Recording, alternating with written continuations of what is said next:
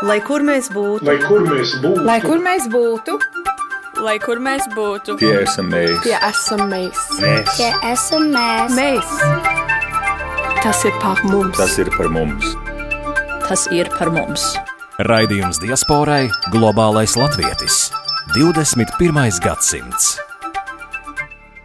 Esiet sveicināti! Jau desmit gadu norit Pasaules Latviešu ekonomikas un inovāciju fórums, ko saīsināti sauc PLAIF, un eh, tas pulcē diasporas latviešu uzņēmējus no visas pasaules ar mērķi dibināt un attīstīt biznesa kontaktus ar Latvijas uzņēmējiem, kā arī veicināt inovāciju, finanšu un zināšanu kapitālu piesaisti Latvijai, kā arī stiprināt ārpus Latvijas dzīvojošo latviešu piederību Latvijai.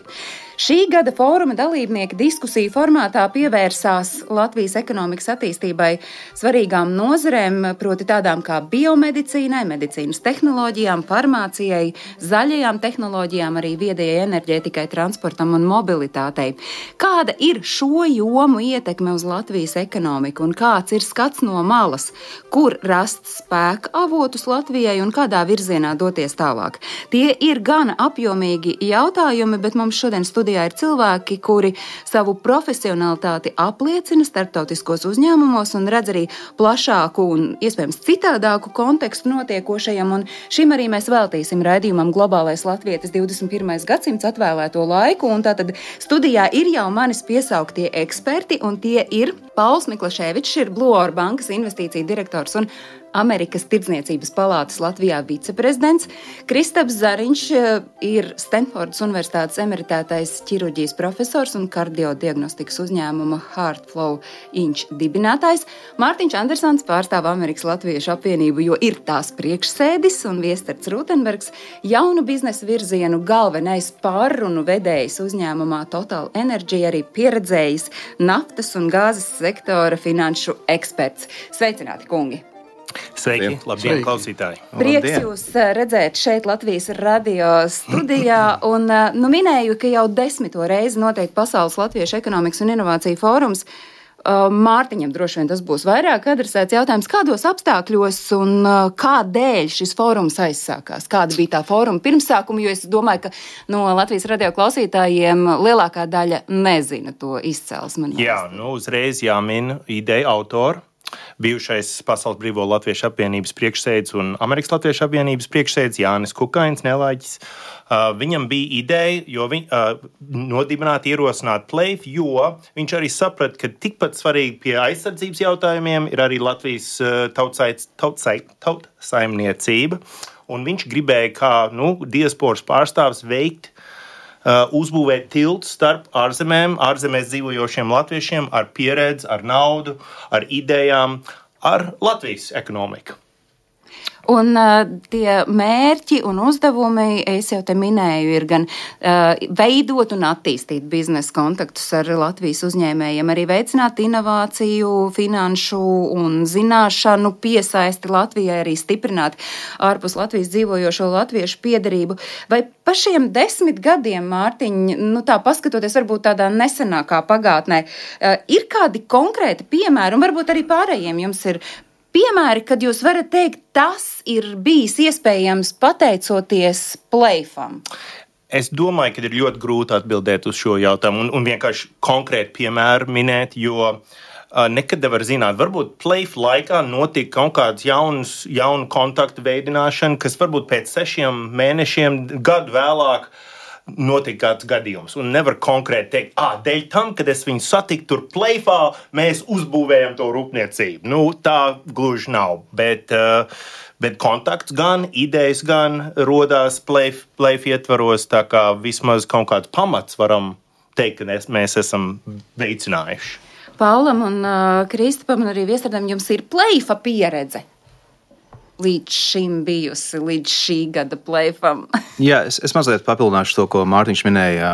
Ideja autors Jānis Kukains. Atcerēsimies, kā, kā bija lietas pirms desmit gadiem. Um, pirms pieciem gadiem pirms tam bija liela ekonomiskā krīze. Uh, mēs zaudējām apmēram 10% mūsu iedzīvotāju skaita, tā starpā daudz talantīgs cilvēks. Uh, Pieci gadus pēc krīzes mēs joprojām atguvamies, un, uh, un Jānis Kukainim bija, bija, bija tā doma, un, un manuprāt, bija tieši vietā, ka mums kā latviešiem jābūt lepniem ne tikai par mūsu kultūru, bet par mūsu, mūsu biznesa cilvēkiem, un ka mums ir jāsāk svinēt to, to mūsu biznesa veiksmi.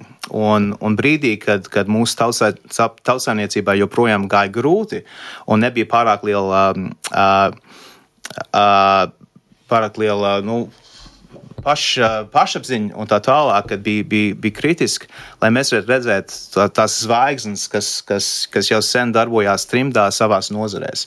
Um, un manuprāt, tas, kad, kad, kad Latvijas, kas prasīja, nu, ko es kā Latvijas varu paspēt šādos apstākļos, tā tālāk, redzēja cits latvieši, kas ir reāli savās industrijās un savās nozarēs pašā augšgalā. Um, un, manuprāt, tā, tā iedvesma ir kaut kas, ko, ko nevar ar, ar, ar cipariem aprakstīt. Uh, bet kura tajā laikā bija absolūti nepieciešama un joprojām šodien ir nepieciešama. Šogad tas uzsvers plēfam tika likts uz Latvijas ekonomikas attīstībai no tādām svarīgākajām nozarēm. Tās ir biomedicīna, medicīnas tehnoloģijas, farmācija, zaļās tehnoloģijas, viedā enerģētika, transports un mobilitāte. Kā jūs katrs no jums domājat, kāpēc tas uzsvers šobrīd, šā brīža, 2023. gada Latvijā, ir, tam ir jābūt uz šīm jomām? Man patīk, ka viestarts rāda uz Kristapu Zariņu, un Kristaps Zariņš rāda viestarta virzienā, un beigās uh, sāk stāstīt Pauls. Piemēram. Es varu sākt stāstīt, šīs ir, šīs ir tēmas, kas, es, šis maz noslēpums, kas nav tikai svarīgs Latvijai. Šīs ir nozars, kas, kas būs tās, kas definēs nākotnes veiks jebkurā valstī. Un tāpēc mums ir tāda privilēģija, ka mums ir tādi eksperti kā, kā Dr. Kristaps Zarīgs šeit no Stanfordas Universitātes, kas var mazliet stāstīt par to, kas notiekās plašākā pasaulē un iedvesmot mūsu zinātniekus, mūsu ārstus, lai viņi arī tiektos uz tām iespējām, kas parādīsies šajā nozarē. Jo, lai neieslēdzas tas tāds latvieša, ka, nu, ja jau tas ir iespējams, pieejams pilnīgi visiem, tad kā es, kā mēs varam ielikt to ne tikai kāju durvju šķirbā, bet attaisīt tās durvis riktīgi vaļā, ja mēs, piemēram, runājam par biomedicīnu, par farmāciju? Nu, man jāsaka, šī ir man pirmā uh, zināšana par plēfu.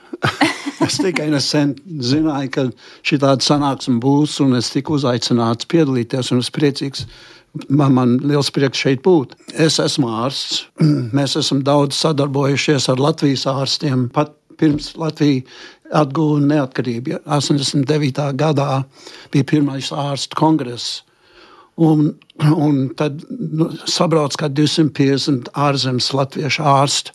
Un bija neticams kongress, vai ne? Pirmo reizi uh, publiski uh, nesāja Latvijas karogu bija liela parāda veselības darbinieki caur Rīgu. Un nolika ziedus uh, pie brīvības pieminiekļa. Šis bija vēl komunistu laikā. Bet sakarā ar tiem sakariem bija sadarbība uh, starp ārstiem, starp Latvijas ārstiem un ārzemes ārstiem. Un daudz tādu sadarbību veicināja medicīnas attīstību, jo kad komunisti uh, krita vai ne, tad viņi paņēma visus medikamentus un visas ierīces un viss paņēma līdzi, ka viņi izvācās no Rīgas. Tad mēs, kā ārzemes lat, latviešu ārsti, mēģinājām izpalīdzēt. Un kopš tā laika Latvijas medicīna neticami attīstījusies. Un, ja padomā, pasaules lielākā problēma, kur ekonomija darbojās, ir medicīnas aprūpas jomā. Es daudz nezinu par gāzi, tikai es zinu, man vajag elektrību, vajag, vajag benzīnu mašīnā. bet bet uh, uh, pasaules uh, pirmā uh, un lielākā mirstības uh, apjoma ir sirdslimība. Un Latvija ir attīstījusi uh, sirds uh, asinsvadu uh, centru, kas ir pasaules zināms. Un uh, mēs strādājot Stanfordā, un daudz Latvijas ārstu mūsu Stanfordā. Bet mēs strādājot kopā um, laboratorijā, biomedicīnas apjomā, uh, attīstījām jaunu tehnoloģiju, kur var izmērīt ne, neinvāzīvi, lietojot datoru tomogrāfiju, uh, koronārās sirds slimības ietekmi vai vajag šuntēšanu vai vajag stentēšanu, kā vislabāk ārstēt.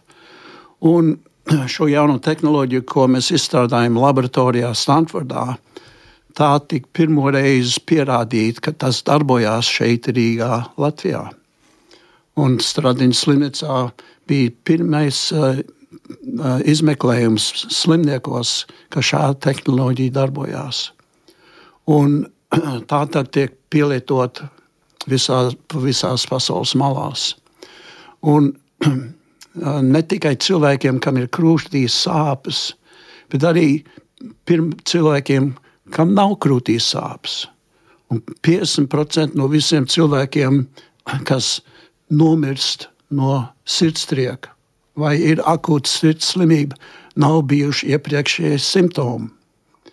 Viņi ves, veseli strādā, darbojas un uzreiz parādās sirdstrieka un, un uh, sirdstrieka arī smadzeņu triekus. Bet šo nu, nosacīti tādu Latvijas prātu izstrādāto diagnostikas metodi šobrīd visa pasaule izmanto, vai tas ir? Latvija to pierādīja, ka tas darbojās.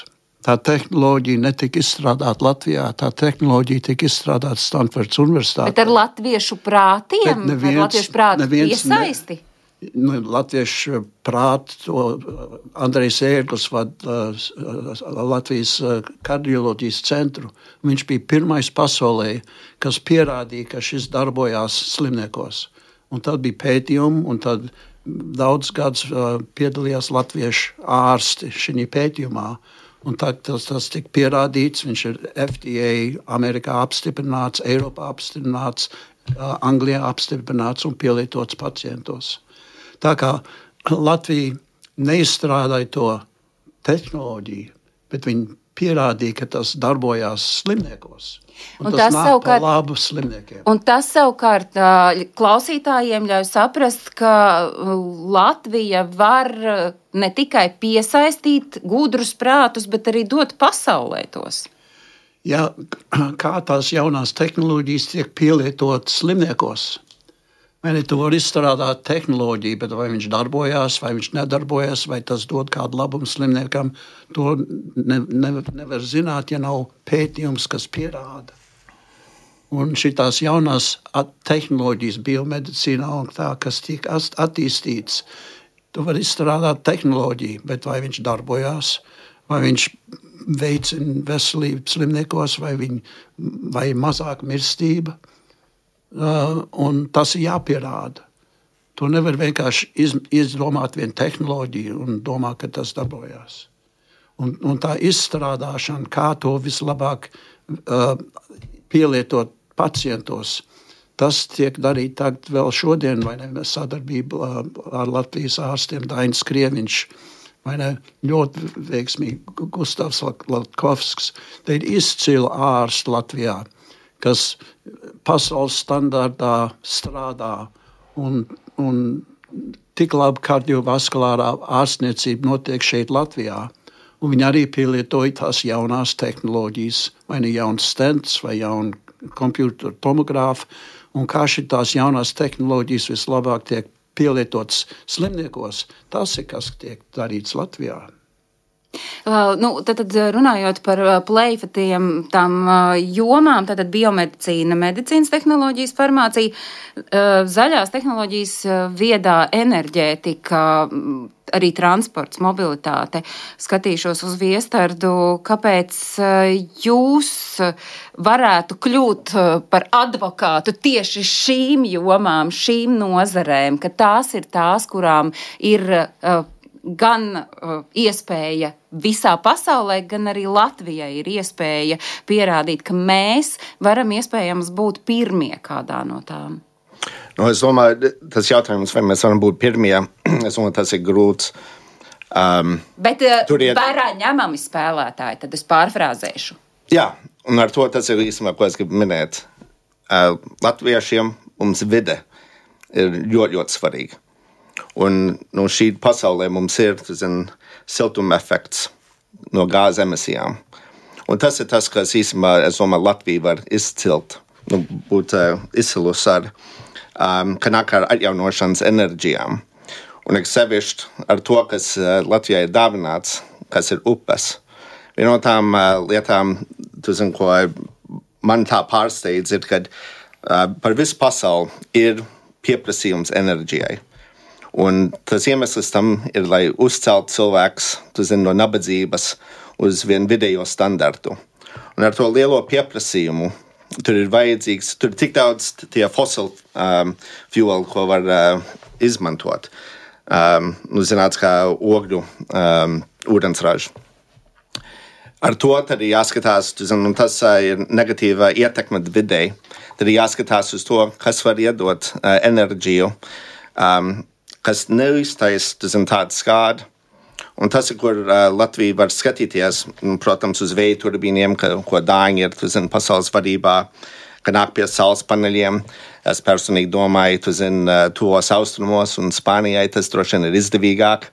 Uh, bet, kad nāk pie uh, hidroelektrības, es domāju, tas kaut ko Latvija nav izmantojusi uz to maksimālo, uh, lai tiešām uztaisītu uh, elektrību, kas ir um, uh, nu, zaļā enerģija. Uh, ja tu skaties uz uh, Norvēģiem, un es domāju, tas ir, ko latviešiem ir jāskatās, ir, kur ir tie piemēri, ka nāk pie e, enerģijas, kas, kur mums būtu visvairāk ekonomiskais efekts, um, nu, kur dabūna visvairāk to atpēļņu uh, no tās uh, investīcijas. Un, ja mēs skatāmies apkārt, nu, ar vēja turbīniem, zin, tā problēma tur sanāk, kad uh, tur ir liels pieprasījums visā pasaulē priekš vēja turbīniem. Tā ar to, vai tā um, loģistika būs tā iespēja Latvijai zin, nopirkt to vēja turbīnu, ja tev ir konkurenti arī no Korejas, tev ir konkurenti no Lielbritānijas, tev ir konkurenti Amerikā, Brazīlijā un tā tālāk. Bet, kad nāk pie uzbūvēšanas tieši zin, ar uh, hidroelektrību, uh, Mums ir jau zināšanas ar mūsu hesiem, kas ir ļoti labi darbojās, bet tie tikai ražo 60% no Latvijas elektrības vajadzībām. Pārējo mēs pašlaik ar gāzi dedzinām, un, protams, zin, ar mazu procentu, kad tas nāk ar zaļo enerģiju. Bet tad jums ir skaidrojums, kāpēc Latvija uh, tos savus ūdeņus līdz šim uh, nav izmantojusi, ka tie ir tie 60%. Tur nav gadījumā kaut kādas politiskās spēles apakšā visam. Es, protams, es... negribētu kāpt politikas lauciņā. Nē, nē, es gribu teikt, es neesmu politiķis, bet es uh, gan saprotu uh, Latvijas uh, vēsturē uh, pēdējos 20 gados. Tur ir bijusi ietekme tas pats ir noticis citās Eiropas valstīs, kā mēs ļoti labi zinām un esam redzējuši.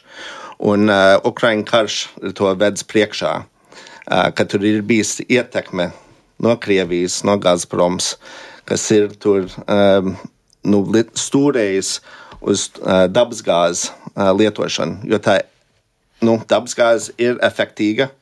Uh, mēs kā Totāls enerģijas tiešām ticam uh, dabasgāzei, kā viens tilts no lietošana ogles un uh, naftu līdz uh, tikšanai pie zaļo enerģijas uh, 100% liet, uh, nu, ražošana. Kad dabasgāzei ir uh, svarīgs, uh, uh, ir daļa no tās svarīgās uh, piramīdas, gribu teikt, ar enerģijas uh, ražošanu. Bet um, tieši konkrēti Es neesmu bijis tajās istabās, es neesmu bijis tajās sēdēs, kur eh, šie lēmumi ir eh, bijuši taisīti. Bet es tiešām domāju, tagad ir tāda iespēja valdībai skatīties un izdomāt, kas tiešām ir vajadzīgs. Un jāsaka, ja skatās uz, um, šir, kas ir šķidrināmo gāzi, nu, Igauni un uh, Somi ir uzbūvējuši to atgāzēšanas uh, rūpniecību. Lietuviešiem ir, es domāju, kur mums ir jāizmanto, ir Inču kalns uz maksimālo. Un, uh, kā es saprotu, uh, tas varbūt nav tieši bijis zin, uh, maksimāli izmantots Latvijas elektrības vajadzībām. Inču kalnā tur ir iespēja nu, paņemt to šķidrināmo gāzi, piemēram, um, un viņš ir atšķirināts un tad piepildīt tādā veidā, ka tās ekonomiskās tās cenas ir izdevīgas, kas ir vasarā, uz maksimālo to piepildīt līdz nu, topam. kamēr tu zini, sanāk uh, ziemas laika, tad tu izmanto to dabasgāzi, ko tu esi uh, nopircis par lēto pa vasaras laiku. Tādā veidā tam nav tas ekonomiskās grūtības, ko, piemēram, ļoti daudz pa visu Eiropu un arī pa pasauli juta šī pēdējā ziemā. Bet par to enerģētikas drošību runājot, kādu jūs redzat uh, Latvijas lomu Eiropas kontekstā? Mēs esam daļa no Eiropas Savienības. Mums ir loma. Mums ir, ā, mēs esam daļa no Nordpūles. Ar to mums ir tie savienojumi ā, pie Zviedrijas. Un tad ar to tad mēs varam piedāvāt mūsu elektrību, ko mēs ražojam te, uz citām Eiropas Savienības valstīm. Un, ja tu skaties uz mums tuviem kaimiņiem, Polijai pašlaik, man liekas, ja nemaldos, 60% no enerģijas ir ā, no ogliem, bet viņiem ir ļoti masīva programma, lai ā, lietotu zaļo enerģiju. Vācieši ir aiztaisījuši visu viņu ā, atomelektrības stacijas, bet um, tur vēl ir enerģijas pieprasījums. Un uh, ar to tad uh, ogles, uh, vecie ogles uh, fabriks ir uh, attaisīts atkal vaļā, uh, sevišķi šo ziemu, kad nebija tā dabasgāze pieejama vairs. Tad ar to tas ir, kur Latvija ir daļa no visas tās um, enerģo kopienas, un ar to tad var piedāvāt to elektrību, ko mēs ražojam, vispirms mums nodrošināt, un tad tālāk nodrošināt uh, pārējai Eiropai. Bet ar to vajag infrastruktūru. Un, um, Tur atkal ir nepieciešamas investīcijas. Investīcija piesaisti vai pašu Nu, spēkiem tā, Latvija to tieši tā, var bet- izdarīt. Bet tur ir programmi, piemēram, eh, Eiropas Savienība no Bruseles ir um, lielo zaļo kursu. Un ar to zaļo kursu tur ir pieprasījums, ka mēs vairs nelietojam fosilus kurināmos. Jā, es, es, es piebildīšu, ko, ko viesurs min um, par Latvijas lomu. At, atkal, kā viesurs minēja, mēs esam daļa no Eiropas. Uh, un, uh, un faktiski, kas notikās uh, pagājušā vasarā, ir, kad amerikāņi apsteidz Eiropiešus. Un Amerikai bija tāda likumdošana, kas saucās Inflation Reduction Act, uh, kas, kas mudināja jaunas investīcijas uh, zaļā enerģētikā. Un uh, Goldman Sachs investīcija banka prognozēja, ka šī likumdošana varētu stimulēt 1,5 triljonu dolāru vērts investīcijas nākamos desmit gadus Amerikā. Uh, Un, kad Amerika to izdarīja, Eiropas politiķi tikai stāvēja malā un nevarēja, nevarēja ticēt, kas ir noticis. Jo visu šo laiku Eiropieši bija runājuši, ka šis mums ir svarīgāk nekā amerikāņiem, un mēs esam nopietni par šo lietu, bet viņi nevarēja vienoties savā starpā, kas būs tā likumdošana. Tagad amerikāņi ir uzstādījuši to līmeni, un, un Eiropiešiem ir tas jāpārspēj. Nu, un, un, ko tas nozīmē Eiropas kontekstā, ir, kad ir sagaidīts, ka būs um, aktivizēts vairāk nekā 4 triljoni ar T triljonus kapitāls, lai, lai veidotu šos atjaunojamos enerģētikas, uh, atjaunojamos enerģētikas infrastruktūru. Ko tas nozīmē Latvijas kontekstā? Nu, ja mēs sadalām 4 miljardus, miljonus, triljonus piedošanu par, par Eiropas iedzīvotāju skaitu, tas nozīmē apmēram 9000 eiro par, katrs, par katru Latvijas pilsien, pilsonu nākamos desmit gados. Uh, tā ir liela nauda. Tas ir kopā tas ir apmēram 16 miljardi, kas ir 40% no šodienas Latvijas IKP. Tātad tās investīcijas, kas tiek plānotas Eiropas mērogā, ir milzīgas. Un mūsu loma Latvijā ir, ir, ir skatīties ar atvērtām acīm uz tām iespējām un būt tie, kas saka, nāciet pie mums. Par tām atvērtajām acīm runājot, te ir jautājums. Es gan nezinu, cik daudz no jums man varēs to pateikt, bet eh, kā jums šķiet, no tādas Latvijas pašvaldības, cik tās ir atvērtām acīm, ja ir stāsts par šo investīciju pieņemšanu? Jārunā arī par, eh, par tiem likumiem un ko, ko tās pašvaldības var darīt, lai veicinātu investīcijas vispār savā reģionā. Bet, protams, man liekas, ir konkrētas vietas Latvijā, kur jau top zaļās enerģijas projekts, uh, dzirnaviņas vai nu, gan, gan sauszemē, gan jūrā, uh, solāri paneļi, tie lauki. Katrā ziņā pašvaldībām ir jābūt pretīm nākošiem. Tajā pašā laikā sabalansējot to, ka viņam ir atbildība saviem vēlētājiem un iedzīvotājiem, bet viņiem ir arī jābūt pretīm nākošiem potenciāliem investoriem, uzrunāt viņus, padarīt varbūt vieglāk, uztaisīt jebkuru to Ja, projektu. nu, piemēram, valstiskā mērogā pērn rudenī pieņēma un arī uzreiz īsi pēc pieņemšanas stājās spēkā likums, kura mērķis ir nu, tad, tad, stiprināt šo enerģētisko drošību un neatkarību, un ir pieņemti šo energo būvju, būvniecības atvieglojumi, un tad ir stāsts gan par uh, vēja elektrostacijām, saules paneļiem, siltumenerģijas ražošanai, ja tā ir no atjaunojumiem energoresursiem, un arī tad ā, šīm būvēm ā, jau, kā Viestards pieminēja, Latvijas iekšējos ūdeņos. Tas ir signāls, ka mēs esam atvērti šīs jomas attīstībai, vai tas ir arī signāls tam ā, investoram? Šī ir viena lieta, ar, ar ko mums, ā, mums Latvijā ir neliela problēma. Ir, ir ļoti liela starpības ar to, ka mēs esam atvērti un ka mēs aicinām. Jā, kad, kad ir, ir starpības starp vienu zvaigžņu hotelu, kur tikai ir numurs pieejams. Ja tu gribi, tad nāc, re, kur te un, un ir piedzvaigžņu hotels, kur vienkārši kalpo uz Reklamē Un, un un- reklamējās un, un, un, un cenšas tiešām uzturēt augstāko standartu. Jā, ja mēs tiešām vēlamies, lai nāk pie mums investīcijas, kā, kā dr. Zariņš minēja, jā, šī pieredze, kas ir, kas, ko latviešu ārsti ir ieguvuši ar šo sadarbību ar Stanfordas Universitāti, tas nav tikai pētījuma izpildīšana un tā tālāk. Tas gudriem cilvēkiem liek domāt citādāk par lietām. Pētot, tu jau kaut kā tev rodās vairāk jautājumu. Tas nozīmē, ka tu izstrādā papildus tehnoloģijas tam pa virsmu.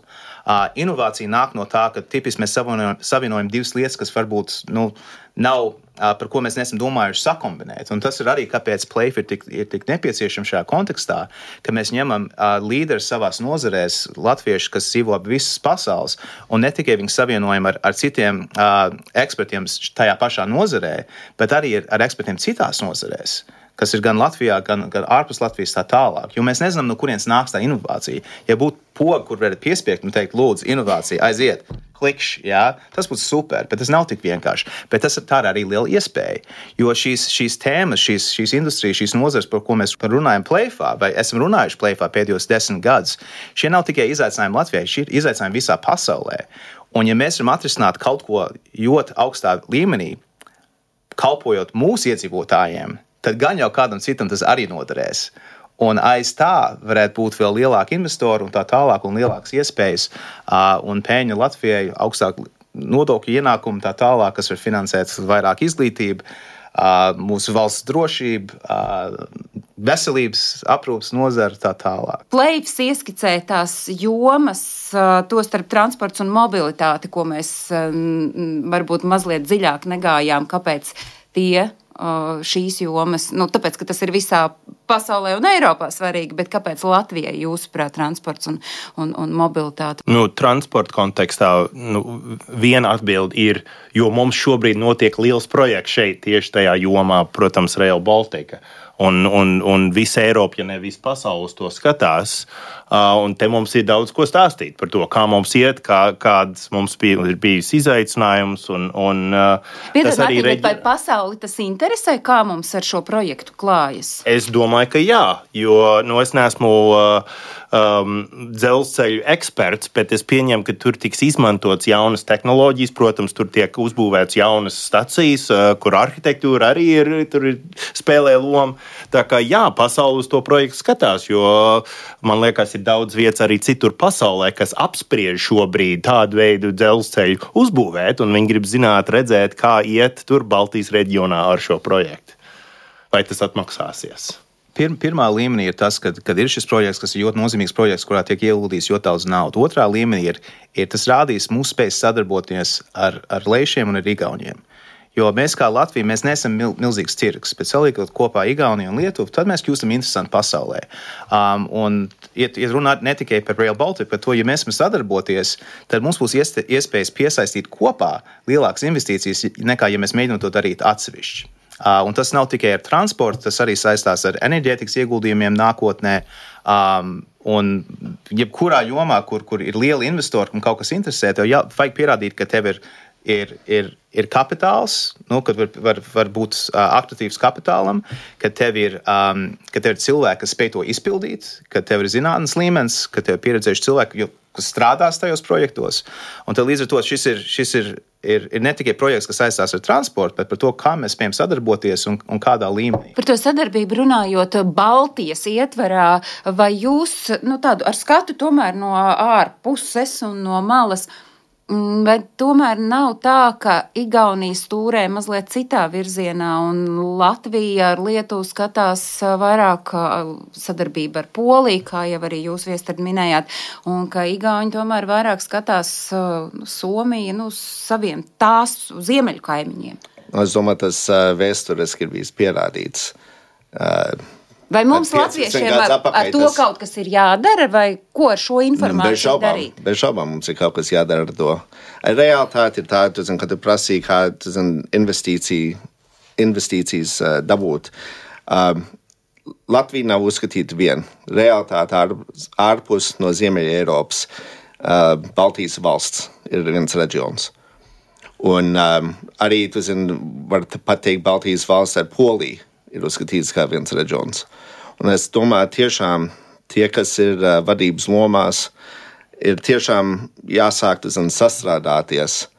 Jo 1,7 miljonu, kā Pauls teica, tas varbūt nav interesanti tu zini, kompānijām, lai darītu investīcijas. Bet, ja pēkšņi tev ir 6 miljoni, un tas ir vairāk nekā Som, Somija iedzīvotāji, tad tas pēkšņi ir tu zini, viens interesants tu zini, propozīcija, ka nāk pie investīcijas.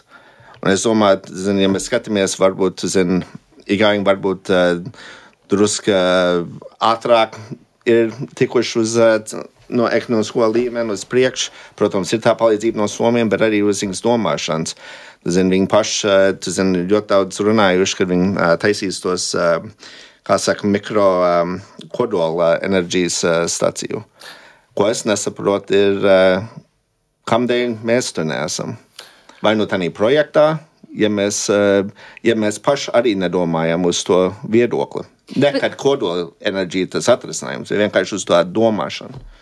Cik daudz jums katram ir iespēja to domāšanu šeit, Latvijā, mainīt? Kāda jums ir tā sajūta? Plaiff ir sākums, un es varu pateikt, ka uh, man ir vairāk cilvēki uh, kontaktējuši no Latvijas, kad uh, redzēju, ka es esmu uh, iesaistīts uz uh, paneli no valdības un arī no privāto sektora. So cerams, kaut kas var sanākt no tā. Mārtiņš, Es gribēju vēl papildu lietu vienkārši par to Igauniju un Lietuvas uh, dimensiju.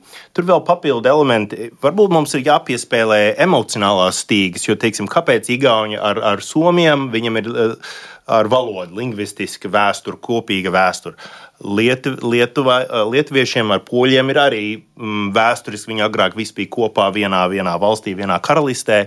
Uh, varbūt mums jāskatās uz zviedriem un uz vāciešiem, jo nu, mums ir kaut varbūt tas ir sāpīgs, bet mums ir kopīga vēsture. Varbūt mums ir jāpiespēlē to mm, Baltvācijas, Vācu baltiešu dimensiju. Es zinu, ka ar Pēteru baznīcas restaurāciju tagad no, notiek kopīgs projekts. Varbūt jāuzrunā tos vāciešus, kuram bija saknes senajā vēsturē, vēsturē Latvijā, un varbūt viņi grib ieguldīt. Un varbūt ir arī kādi nostalģiski zviedri. Starp citu, mēs šajā redzējumā globālais Latvijas 21. gadsimts šķiet mm, bieži vien vienkāršus cilvēku stāstus klausoties, dzimtu stāstus, sadzirdot vārds eh, Latvija kā iespēju zeme izskan diezgan bieži. Ņemot vērā, ka jūs esat katrs savas jomas un augstas raudzes eksperts, kā jūs šobrīd uz šā brīža Latviju skatoties, eh, kas ir tas, kāpēc jūs varat teikt, ka Latvija ir iespēju zeme? Varbūt jums šķiet, ka nav. Nu, es varētu teikt, ka viņi ir iespēja zem, jo medicīnas stāvoklis ir diezgan uztraucošs. Ārsts streiko, māsas nevar samaksāt algas, viņi brauc citur uz Eiropu strādāt, jo viņi ma- maksā vairāk un tā tālāk. Tā, tā ir kritiska problēma. Enerģija ir ļoti svarīga, bet cilvēku labdabība arī ir svarīga. Un, un Latvija iegūda ļoti maz no, no koprodukta uh, veselību un medicīnā. Un, ja domā par dzelzceļu, gāzi un, un naftu, tomēr kas notiek ar cilvēkiem? Tāpēc, kad Latvija mirstība milzīgi augsta kardiovaskulārā slimībās, viena no augstākām pasaulē. Un kā to un, mainīt? Un, ta- un varbūt tādā situācijā, kur stāvoklis ir ļoti slikts, bet iespējas ir ļoti labas, tad šī tad varētu vienā mazā valstī izstrādāt, kā tā varētu uzlabot šo. Pasaulē to nevar izdarīt, bet te vienā tā mazā valstī, ja tā īsti izdomā, kā lietot šos jaunās inovācijas spējas, pārdomāt, kā strateģiski pieiet pie sirds slimībām, sirds un asinsvadu slimībām Latvijā. Un tas ir iespējams. Kā jums viestat šeit, mums ir Latvija kā iespēja zeme, kur te ir Uz- tās iespējas? Nē, es domāju, ja tu skaties tie, kas darbojās un izdara to darbu līdz beigām. Nu, mums ir ārsts, kas ir tu zini, pasaules līmenī.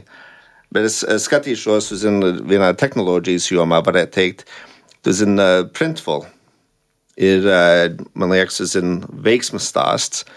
Es nezinu, cik daudz varbūt tas ir izplatīts zini, te Latvijā, bet tu zini, tas ir uzskatīts, kā, kas ir vienradzis. Ja?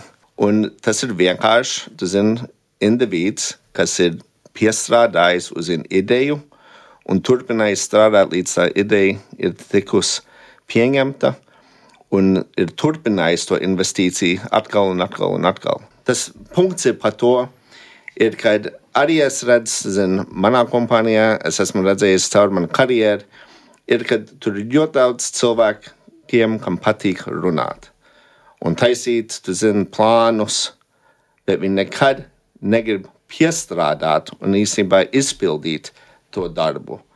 Un tas ir tas, ko es tiešām uzskatu, zin, lai būtu veiksmīgi. Ir vienkārši, zin, 90% ir vienkārši tu strādā un tu nokārto. Bet arī jāstrādā gudri. Tu nevari rakt vienu uh, bedru vienkārši ar vienu karot. Un ar to tad, zin, tas tie veiksmes stāsti notiksies. Mums ir daudz veiksmju stāstu, bet, bet tie cilvēki ir par daudz aizņemti ar darbi, darbošanos, nekā, nekā runāšanos un, un rādīšanos. Um, mums, mums joprojām tā ir viena lieta, ar ko um, es, es bieži vien sastopos ar, ar mūsu mentalitāti, kad, uh, kad mēs bieži vien gaidām kaut ko no valdības, kaut kādu maģisku risinājumu, kad, kad šis ministrs nu, būs jauns plāns un, un tā tālāk. Mums ir daudz tādas tā padomju relikvijas. Tā kā, kas ir nepieciešams, lai valsts attīstās, ir veidot tādu vidi, kad cilvēki var strādāt savos spēkos, lietot, lietot savus prātus, brīvi sadarboties un veidot kaut ko jaunu, unikālu un nozīmīgu. Um, mums ir daudz piemēru, ka mēs spējam to darīt. Tas ir, tas ir mūsu asnīs. Latvieši Amerikā bija visizglītotākā tauta visā Amerikā pirms 50 gadiem. Tā pirmā paudze, kas pārvācās uh, kā kara bēgļi pēc otrā pasaules kara, bija visizglītotākā tauta un arī līdz ar to viena no visturīgākajām tautām Amerikā. Un daudz latviešu par to nezina. Es, es pārbācos uz Latviju 2008. gadā, kad mums gāja ļoti grūti. Ļoti grūti. Un, un latviešiem tā pašpārliecība bija, bija, bija, bija mīnusos. Un man joprojām, piecus gadus pēc tam, prasīja, bet, Paul, ko tu te dari? Tev taču ir Kanādas pasi, kāpēc tu nedzīvo Kanādā? Uh, un, uh, un, un tas bija grūti, kad, kad tev to prasa katru, katru otro dienu, piecus gadus.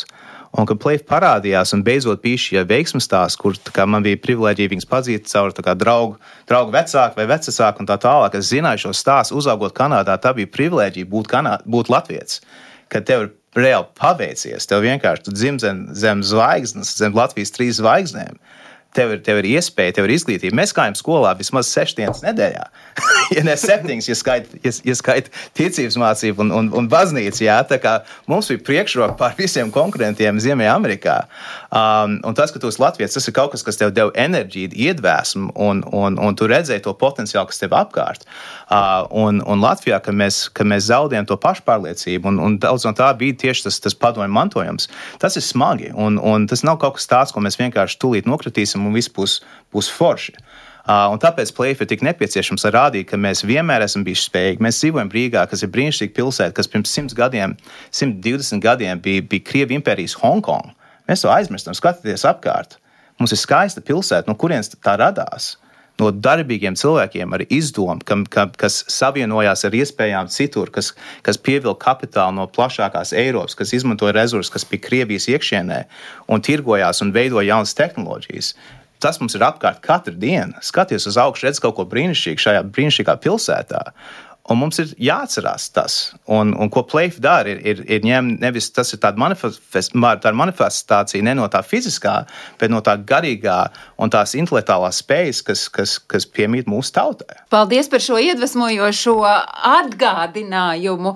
Un uh, plēsoņs noslēdzas, bet ir jau nākamais skats, jau ir uz Spotlight Latviju. vai Jā, ne? nu, un tie, kas nezina, kas ir Spotlight Latvijā, Tas ir ļoti līdzīgs pasākums, kas sākās 2017. gadā. Trīs ir bijis.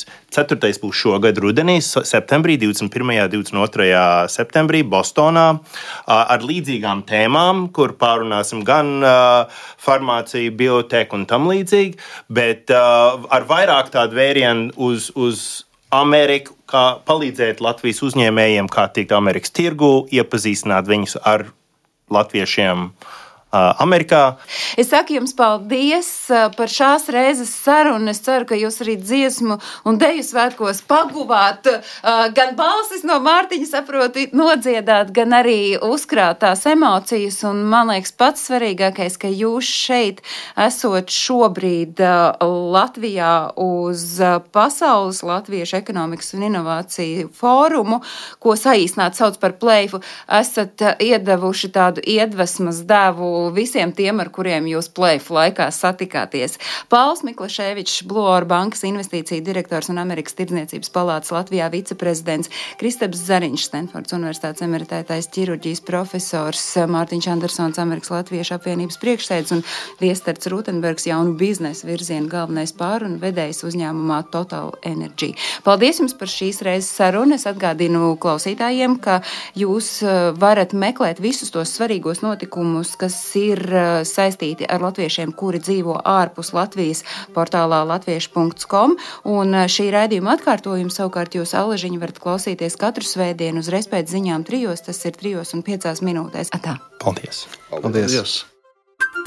Lai kur mēs būtu, lai kur mēs būtu, lai kur mēs būtu, lai kur mēs būtu, tie esam mēs, tie esam mēs, mēs. tie esam mēs. mēs.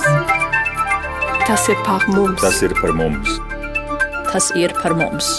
Globālais latvietis 21. gadsimts.